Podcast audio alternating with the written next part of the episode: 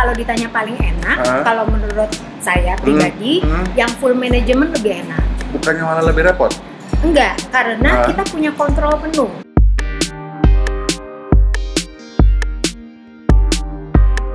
Ketemu lagi nih di acara Temu Ilmu live podcast kali ini bintang tamunya lain lagi karena emang mesti lain-lain. Ini episode kelima Lima. bu ya. Episode kelima jadi ibu bintang ya? tamu kelima. Kelima ya. Nah topiknya untuk yang kali ini kita mau ngomong-ngomong mau bicara mengenai bisnis Film manajemen manajemen. film manajemen karena memang belakangan saya sering ketemu teman-teman yang tadinya kerja terus ada yang temannya punya ini mau jadi penginapan jadi penginapan mau mulai gimana sih caranya ada pertanyaan saya keinget nah mau tanya nih sebelumnya kan mesti perkenalkan diri dulu dong bu Oh gitu. iya oh ya misalnya udah tahu dong ya pasti Nggak usah, di skip aja. di skip aja Bintang Iya. tamu aja. bu boleh perkenalin ke teman-teman Oke, selamat malam semua. Malah. boleh lebih keras sedikit lagi suara bu Itu kasih Harus yang di belakang. ya? Oh, Nggak kita kedengeran. yang di belakang Oke. itu. Biasanya saya pakai mic. mau nyanyi bu Oke, eh, nama panggilan saya Vivi. Hai Pipi. Hai Pipi eh, Kira-kira eh, 10 tahun terakhir ini Hmm. saya menekuni hospitality. Baru 10 tahun terakhir. baru 10 tahun lama Satu bu dekade. Eh, ya, baru baru baru 10 tahun. Eh, sebelumnya saya kerja di berbagai bidang sih ada manufaktur dan sebagainya. Ah, Hmm. Udah gitu ya perkenalan gitu aja. kan biasanya mau sebutin nama Instagram follow saya Astaga. gitu Biasanya ada bu gitu ya. Oh gitu sekarang, ya? iya Oke. Ah, Instagram pribadi boleh Vivi Purbodiningrat. nanti kita ta- taruh Ah, nggak tahu taruh di mana Facebook. Facebook juga sama Vivi Purbodiningrat. Gitu. jadi kalau nanti LinkedIn juga sama. LinkedIn juga. Vivi- banyak ya teksnya banget Ibunya aktif banget di LinkedIn tuh. di LinkedIn Lihat, saya gitu. sering kesal kesal tuh gitu. Dia komen-komen di mana tuh bahasa Inggris gitu. Iya. Biasanya sih kalau ada yang berbau-bau kayak personal development, Ya, ya. betul. saya Kebetulan memang eh, karena background saya psikologi sih sebenarnya. Psikologi Oke. hospitality Psikologi. jauh banget ya. ya. nyambung sih gitu ya Oh, iya, nyambung. psikologi saya psikopatnya Boleh nanti session. Jadi kali ini mau bahas apa di psikologi atau mau bahas film manajemen jadinya bu Psikopat. Boleh. Kan Bahas mau film film- manajemen ya? film Film manajemen manajemen, ah. kan mungkin pertanyaannya dari yang paling awam kalau mau mulai gitu bikin kecil-kecilan film ini Hmm. villa oh sebelum gini bedanya film manajemen sama properti manajemen tuh apa sih sebenarnya bu beda apa sama sih atau Gini, sebenarnya boleh ya saya sampaikan dulu nih Boleh ada satu fakta yang menarik Hmm. sebenarnya. Em, saya lihat arti kata villa aja sekarang sudah banyak yang agak menyimpang. oke Ya, Ah, contohnya misalnya begini, eh, kita punya suatu properti atau Hmm. rumah ya di tengah-tengah perumahan, hmm. pokoknya asal ada kolam renang, bilang villa dibilang villa. villa. nah yang Padahal- benar gimana Sebetulnya kalau misalnya kita lihat di Wikipedia, Hmm. aslinya villa itu adalah rumah Romawi kuno yang eh, apa luxury dan Oke. tujuannya itu adalah rumah liburan sebetulnya. Oh, Gitu. oke. Nah, kemudian ada beberapa kriteria sebetulnya Hmm. kenapa suatu properti itu bisa dibilang Bilang villa. Yang pertama sudah pasti villa itu tidak di perkotaan. Biasanya Oke. memang di pedesaan atau di suburb atau di Hmm. pinggiran kota dan sebagainya. Hmm. Itu yang pertama. Betul.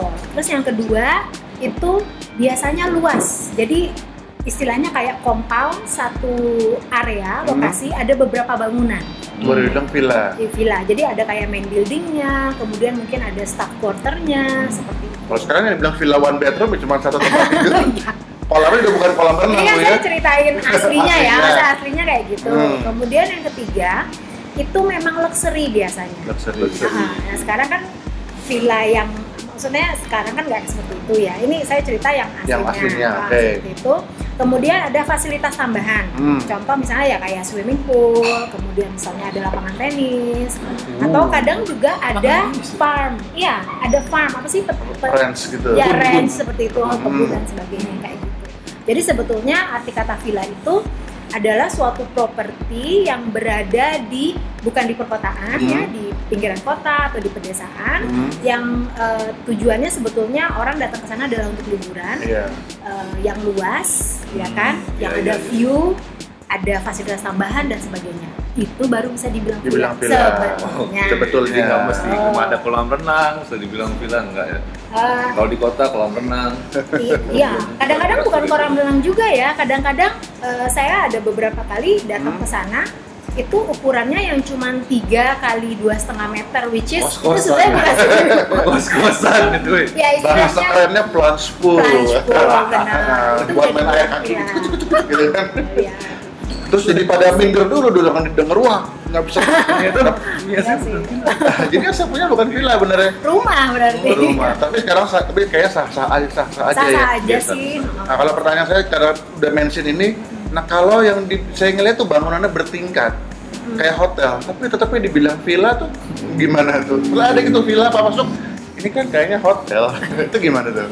Bener nggak sih sebenarnya? Aduh, ah, gini.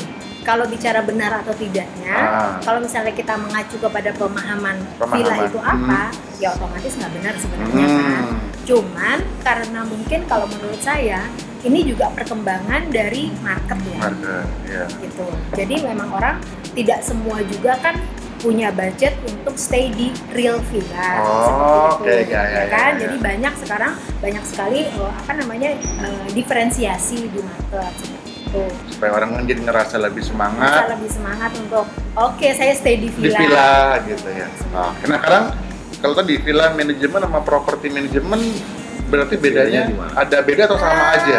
Properti manage properti itu kan macam-macam. Hmm. Jadi ada villa itu juga properti. Hmm. Rumah aja properti. Oke. Hotel properti, apartemen properti, Hmm. kos-kosan properti, Nah. biasa semua properti. Jadi kalau properti man- manajemen itu sebetulnya kan lebih umum ya Oh, lebih sifatnya. umum. Kalau villa itu ya satu jenis Spesifik. gitu. Oh, spesifik. oh, jadi ada villa manajemen, ada hotel manajemen, Ya, kos-kosan Kosan manajemen.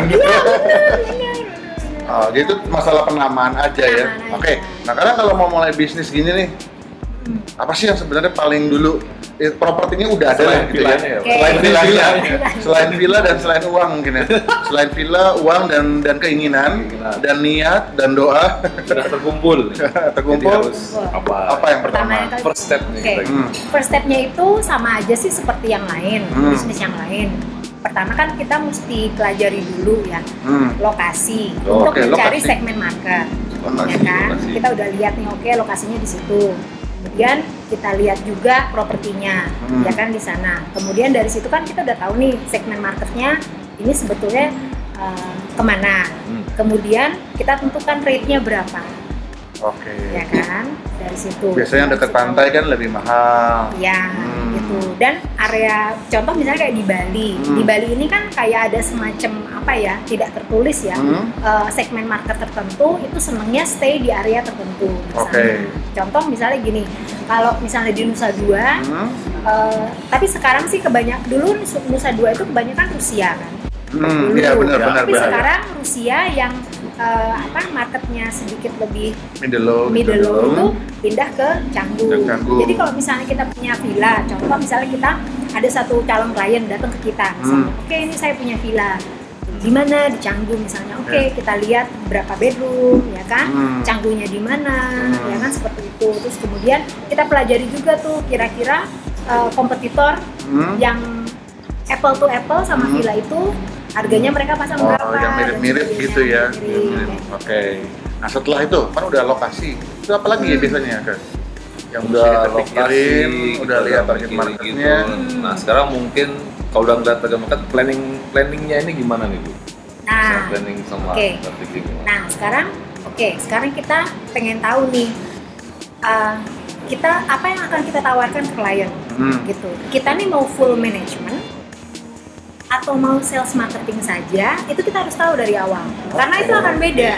Uh-uh. Kalau yang full tuh apa aja misalnya? full management itu artinya berarti kita memanage villa itu secara full operasional, kita yang tanggung jawab, Ah, human jadi- resources kita yang tanggung jawab, sales marketing kita yang tanggung jawab semuanya. Hmm. Kalau hanya sales marketing only, ya berarti operasional human resources Hmm. itu eh, apa namanya dikelola Dikelola oleh owner Hmm. gitu. Kita hanya sales marketing. Kenapa itu penting? Kita Hmm. tentukan dari awal bentuk manajemen seperti apa yang akan kita tawarkan Hmm. itu akan berpengaruh kepada strategi, Hmm. akan juga berpengaruh kepada budget dan sebagainya. Kalau yang paling enak yang gimana? ya ya kan gitu kan, yang paling enak Paling enak kasih dari- semua aja pak. Iya. gitu. Dari mana dulu nih sisi? dari sisi Dari Dari sisi yang mau bikin bisnis film manajemen ini. Oh gitu. Sebetulnya kalau ditanya paling enak, Hah? kalau menurut saya pribadi, hmm. yang full manajemen lebih enak. Bukannya malah lebih repot? Enggak, karena Hah? kita punya kontrol penuh. Bayangkan Oh. misalnya gini, Pak Donald kan marketing ya. Hmm. Kita punya suatu villa, oke, operasional misalnya owner yang kelola, Hmm. ya kan? Terus kita sales marketing saja, Hmm. gitu. Kita nggak ada kontrol sama sekali terhadap operasional, apakah servisnya bagus atau Oh, tidak. produk yang dikasih, betul. kamarnya itu bersih, standar apa enggak kayak gitu. kemudian misalnya apa servisnya bagaimana kebersihannya bagaimana kita kan nggak ada kontrol. Kalau misalnya kita full management otomatis operasionalnya kan semua juga kita yang kelola kita yang ngecek check in check out dan sebagainya. Kayak Hmm, gitu. iya, iya. Nah kalau dari Jadi sisi pada umumnya nih biasanya yang punya punya villa ini si owner-owner ini mereka dalam pengalaman ibu Vivi lah Hmm. itu lebih senang yang full apa yang marketing doang 90% Hmm. sukanya yang full management jadi nggak repot juga ya buat mereka, mereka nggak repot karena biasanya eh, pemilik-pemilik villa ini kan memang ya itu itu gunanya kenapa kita serahkan ke villa manajemen Hmm. gitu loh karena kita memang nggak mereka kebanyakan nggak punya waktu ya untuk mengelola gitu terus kalau dari sisi mendapatkan villa ini bu gimana sih orang mau percayain sama kita gitu loh apa sih yang kita mesti good question Ah, apa sih yang kita mesti lakukan, gitu lakukan Ah, oke kalau eh, saran saya sih awal hmm. mungkin eh, bisa untuk gini karena kalau kita mau go profesional kita harus sudah punya portfolio sebenarnya Oke. lebih gampang Hmm. Jadi misalnya kan kita butuh bikin website lah, kita Hmm. butuh bikin sosial media dan sebagainya. Akan terlihat lebih enak kalau misalnya kita sudah punya portfolio. Bagaimana caranya kita mendapatkan portfolio? Ya mouth to mouth dulu aja ke temen gitu. Oh ya, gitu. Itu saya yakin, ha, itu saya yakin kita bisa dapat. Hmm. Karena kan Bali ini banyak banget ya. Iya, Ini banyak iya, banget iya. villa. Jadi kita start aja dulu dengan mouth to mouth. Eh, ada nggak ya kira-kira villa yang mau eh, mau apa? Dikelola. di-manage, dikelola dan sebagainya kita kumpulin dulu, kita kumpulin dulu. Nanti misalnya kita sudah punya barang 4 atau 5 seperti Hmm. itu, baru nanti kita bisa lebih istilahnya apa ya? Lebih profesional lah gitu. Nah buat yang 45 ini bu. Buat mereka yakin sama kita mau tuh biasanya apa sih yang yang kita mesti kasih gitu kan? Ini kan teman-teman baru mau walaupun sama teman pak sama ya teman ya kan, Sama baru mau teman. mau mulai nih apa sih minimal gitu? Otomatis otomatis udah pasti ya, udah Hmm. pasti yang pertama itu kan eh, idealnya, idealnya itu sebenarnya kalau kita punya pengalaman di villa management. Nah, Kita pernah kerja di Hospitality management juga. atau hospitality Oh, oke. gitu. Itu se- sebaiknya Saya karena pernah jadi manajer di di sini sini gitu. Ya, Hmm. Seperti itu. Sebaiknya pemahaman mengenai operasional ngerti, ya kan seperti itu. Iya iya iya. Oh, itu. Itu yang apa namanya yang harus di apa namanya harus eh, supaya owner itu convince ke kita. Hmm. Seperti itu. Terus udah gitu, ya biasanya sih pengalaman saya itu sales marketing yang lebih diperhatikan oleh owner biasanya. Iya karena nyari revenue Iya. kan. biasanya gitu. Kalau tadi kan ngomong ada sales marketing, ada operasional, timnya jadi kalau minimal tuh mesti berapa orang sih kalau mau mulai misalnya? Oke. Ah, timnya minimal ada yang dia pegang ini, ini pegang ini, minimal se- seminimalnya. Sem- Oke, Ah, gini. dari Kalau misalnya kita mau full management ya, Hmm, full kita mau full management. Hmm. Jadi sebetulnya kita tidak perlu misalnya punya kita punya satu villa itu satu staff gitu. Kita bisa sistem rolling sebenarnya Oke, Villa itu kan nggak semua nggak setiap apa misalnya kita punya lima kan nggak Hmm. semua villa itu selalu ada tamu kan. Hmm. Gitu. Jadi kalau misalnya pas lagi ada tamu itu sebetulnya eh, apa namanya cleaning dan sebagainya kalau misalnya kita punya dua orang ya itu dalam dua jam satu villa selesai misalnya dua tiga bedroom ya kita nggak bicara villa yang bedroomnya besar ya ya. maksimal tiga bedroom itu dua jam selesai nanti kita rolling aja gitu jadi Hmm. tidak perlu kita punya full staff di satu villa seperti itu kan masalah staffnya. Nah kalau masalah tim manajemennya nih, oke minimal mesti ada orang apa aja bu di, di, di, di dalamnya itu. Sales marketing tadi. Sales marketing pasti. ya Ah, apalagi. biasanya awal Hmm. awal itu biasanya sales marketing itu kita sendiri yang ngerjain Oh, kalian. Oke, iya, iya. ya biasanya gitu Iya, iya, iya. biasanya kita sendiri yang ya udahlah gitu karena kan kalau misalnya ini kan keluar budget lagi gitu. Hmm. yang satu lagi kita perlu memang orang lapangan pasti Orang lapangan ini maksudnya apa orang nih, Bu? lapangan dalam arti Operasional. operasional. Gitu. kalau misalnya kita eh, sementara juga biasanya itu kita kita juga jadi supervisor gitu jadi kita cuman Hmm. kayak housekeeping ya terus kalau untuk pool and garden itu kan kita bisa outsource kan banyak banget tuh Iya, iya, perusahaan-perusahaan iya. yang ah, ada ini kita outsource saja dulu gitu sebelum Hmm. kita nanti bisa apa namanya eh, untuk meng-hire eh, apa namanya Staff. employee ya Hmm. seperti itu kemudian idealnya juga ada security tapi security juga sekarang kan gampang Hmm. gitu bisa outsource Bisa juga outsource. gitu jadi sebetulnya basically kalau yang untuk di corporate mungkin yang paling penting itu ada operasional ya Hmm. sama sales marketing Jadi sebenarnya berdua pun bisa mulai nih gitu ya kalau cukup bisa mulai. niat. betul Jadi kita berdua Iya. kita pikir kalau kita udah mampu kita hire Ibu Vivi gitu. Ya. yang jalan. Gitu.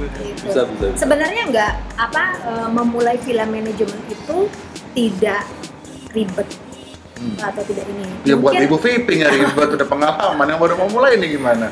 mungkin yang akan menjadi kendala itu masalah legalitas itu Oke. yang akan sedikit ini ya apa namanya biaya ya Iya, gitu. iya. kalau saya sarankan sebaiknya memang ada legalitas Hmm. gitu. Walaupun tidak langsung ya misalnya baru punya satu villa wah langsung bikin PT enggak. Hmm. tapi nanti kalau misalnya memang serius kita mau ke sana terus sebaiknya kita ada legalitas. Dan Artinya- kalau bisa ke depannya masing-masing masing-masing Masing properti pun ada ada- izin oh. gitu. Sebaiknya seperti itu. Mungkin teman-teman akan bilang begini karena ini pengalaman saya sekarang. Hmm. kayak contoh villa-villa di Airbnb. Saya yakin tuh 99% semua mereka tidak ada legalitas gitu tapi kan masih itu bisa kan jadinya mereka tidak ada biaya kan Ya, biaya, oke, jadi mereka betul. bisa jual lebih murah Wah. seperti itu kan Terus nggak perlu bayar Untuk- pajak lah gitu ya. Untuk awal-awal is okay nggak apa-apa kita start seperti itu. Hmm. Tapi kalau memang ke depannya kita memang kita kan bisnis ya dari kecil itu kan lama-lama kita mau besar ya pak ya. Satu. Iya. Itu itu sebaiknya nanti at some point kalau misalnya kita sudah berjalan dan kita lihat misalnya minimal setahun ternyata portfolio kita nambah terus nambah nambah nambah sebaiknya kita punya uh, legalitas. Legalnya. Iya Hmm. seperti itu karena kan Iya, gini iya, iya. pengalaman saya sih kebetulan saya dulu 10 tahun yang lalu itu 11 tahun yang lalu Hmm. itu saya kerja staff itu uh, apa um, film manajemen yang kecil banget gitu loh Berapa Nah. ini? Ada berapa unit tuh? coba? cuman lima Cuman. Cuman. cuman lima unit Satu dan satu kom unit tuh berapa compound tuh villa? uh, tiga tiga bedroom ada lima villa Oke. tapi karena ownernya itu uh, memang beliau pokoknya saya mau maju gitu jadi saya kepengen ini oke Hmm. jadi saya bantu dan lama kelamaan kan memang terus kemudian tambah lagi karena memang Hmm. ber- beliau itu tidak profesional sama sekali jadi cuma network aja awalnya mereka dapat Ah, oke. apa villa baru Ya, villa ya, baru ya. gitu dari network lama-lama lama mereka dapat uh, portfolio yang dari luar jadi bukan dari networknya gitu tapi ya mereka punya PT dan sebagainya itu nah terus kemudian uh, kebetulan uh, ada salah satu kompleks villanya dia yang kemudian diakuisisi oleh grup besar lah Oke. oleh Lipo Group sekarang Hmm, hmm, gitu. Nah, kalau mereka tidak punya legalitas kan nggak bisa ya. Ah, Nah, oke. jadi kita ngelihatnya ke depannya Biar lebih aman dan tenang Biar mungkin lebih ya. biar lebih aman dan tenang. Itu sih saya sarankan. Sekarang dari pengalaman Ibu Vivi, boleh nggak sih sharing Bu satu hal yang tantangan yang menurut Ibu tuh paling susah itu di jadi film manajemen itu apa sih yang paling susah tantangannya? Pasti kan banyak tuh ya. Mana paling susah paling berkesan gitu. Boleh banyak nggak gitu? Mau 10 juga boleh boleh. Oke. Curhat kalian. Ah, tantangan terbesar kalau kita mau bikin film manajemen itu sebetulnya memberikan pemahaman kepada owner, owner villa, Oh, kepada malah- klien. oh. Malah ke owner ya, bukan ke market ya? Bukan. Oh, Oke. gitu karena kan gini eh yaitu kita kan begitu kita mendapatkan villa yang akan kita kelola Hmm. kita kan melakukan ada bikin inilah marketing plan sales marketing plan Hmm, ya kita ya, pelajari kompetitor kita buatkan projection dan Oke. sebagainya biasanya klien itu atau villa owner itu nggak terima gitu. Kok cuma segini? kok cuma segini sih Oh, gitu oke. loh. Dan kita mau menjelaskan bahwa memang oh villanya kan di area ini gitu. Segmen marketnya itu ada ini. Ini loh bu kompetitornya. Lihat kompetitor ini mereka harganya sekian mereka punya fasilitas ini ini ini. Sementara kita ini ini ini segala macam kayak gitu. Nah memberikan pemahaman kepada para owner villa ini yang tantangan terbesar kalau menurut saya. Kalau masalah sales marketingnya itu juga tantangan sekarang sih karena saya tahu sekarang kan sangat kompetitif ya kayak gitu terus kemudian kalau di lapangan itu masih lebih kalau menurut saya masih lebih bisa diatasi. Diatasi. Yang penting kan kita mesti gini eh, apa istilahnya tuh kita mesti dekat sama tim gitu kita mesti tahu eh, bukan berarti kita controlling ya enggak tapi kita mesti tahu mereka tuh ngapain aja sih apa betul memang udah sesuai dengan apa yang kita targetkan tapi yang tantangan awal itu adalah itu apalagi sekarang Tapi rasanya sekarang- di owner ini bukan di sini aja, di Bukan. mana-mana ya. Kalau bahasa kita kita pernah ngomong istilah masturbasi bisnis, gitu kan? Emang kita paling susah ya kalau digital marketing sendiri kita kan paling susah tuh jaga ekspektasi kan.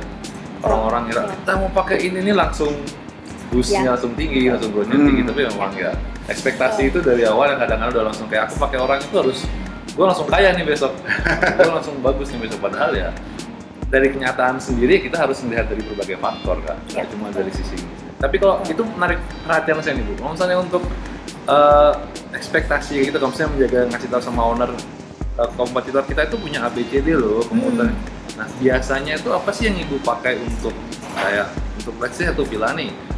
Apa yang ibu pakai untuk kayak bilang ini nih gimana cara ibu untuk menemukan USP satu villa gitu loh? Ini loh yang membuat kita unggul daripada beberapa kompetitor lain. Itu biasanya apa sih yang ibu presentasikan sama owner? Eh, biasanya sih memang kita kan bikin competitor analysis ya. Hmm. Uh, itu juga ada satu pelajaran lagi. Wah. Sayang kita nggak punya proyektor, sekalian aja Baru aku tunjukin yang kayak Saya apa baru gitu. mau nanya. Itu kan nggak kebayang kali ya, maksudnya kayak apa sih competitor Kita bikin kelasnya, ntar temu ilmu kita bikin kelasnya, Ah, benar. projection apa sih gitu kan, Ah, kayak gitu-gitu. hmm. Itu eh, Ada kelasnya? sorry banget kalau agak abstrak tapi memang gitu. Jadi Jangan. memang Buat biasanya Hmm. owner villa itu mereka ngecek OTA. Ah, oke. Nomor satu, ya sekarang Airbnb ya, Hmm. Airbnb atau nggak Booking.com sebagainya. Jadi kita cari kita bikin competitor analysis, kita cari villa-villanya di sana aja. Paling gampang gitu. Ini loh tinggal buka handphone pada saat kita presentasikan. Ah. Ini loh tinggal buka. Hmm. Karena kalau misalnya kita cari tempat lain, mereka pengalaman saya mereka pasti buka handphone dan mereka ngecek di booking.com dan sebagainya. Yang gampang lah pokoknya. Karena tidak semua owner uh, villa atau properti itu mereka sebetulnya paham bisnisnya secara menyeluruh. Enggak. Mereka istilahnya kasarannya punya pabrik sukses. Sukses, gitu. bikin Punya villa. duit. Bikin villa. Wah, di Bali lagi. Ini nih ngetren nih bikin villa, bikin villa. Sebetulnya nggak paham. Jadi memang tugas kita oke, sebagai oke. villa manajemen dari awal itu untuk istilahnya apa ya? Memberikan pemahaman lah Mengenai industri dunia hospitality industri, gimana? ya khususnya mengenai film manajemen Film. itu karena ada juga saya pernah punya eh, klien ya Hmm. owner dia sudah punya hotel hotelnya tuh yang bintang 4, bintang Hmm. 3 jadi dia pikir dia sudah ini kan cuman villa gitu hotel aja saya punya hotel kayak gini beda Jadi ya gitulah ngobrol-ngobrolnya. Thank you banget loh Ibu. oke sama-sama Tapi memang sih kayaknya semua ilmu nggak mungkin dikupas tuntas dalam waktu singkat ya. Betul, Jadi kalau emang teman-teman ada ada request boleh DM DM kita atau email temu ilmu. Bersedia kan Bu kalau bikin kelas? boleh Tapi kelasnya bayar anak aja gratis ya kan Bu? Iya dong. Iya. Seharga villa nggak? Atau jual mungkin- villa untuk ikut kelasnya Bu Ah, atau mungkin- jadi. Kalau belajarnya malas tapi punya villa, ya langsung Nah, aja Ibu langsung aja, Vivi. Ya udah itu aja dari kita. Thank you banget dan juga thank you, thank you banget buat tempatnya kalau teman-teman lihat ini nama tempatnya ala carte. Ala carte atau ala carte nih? ala Ala carte. Oh ya. maaf. Eh, di Teku Umar Barat nanti kita juga taruh lah di mana tulisannya di kepoin namanya tempatnya asik banget. Ini kayak ada coworking ya di atasnya ini ya. Di bawahnya restoran. Nanti teman-teman main ke sini. Ya Bu, thank you banget. Oke, Wah, sampai ketemu lagi. Terima kasih Bu Vivi. Thank you. Kita dadah dulu, Bang. Dadah. Dadah.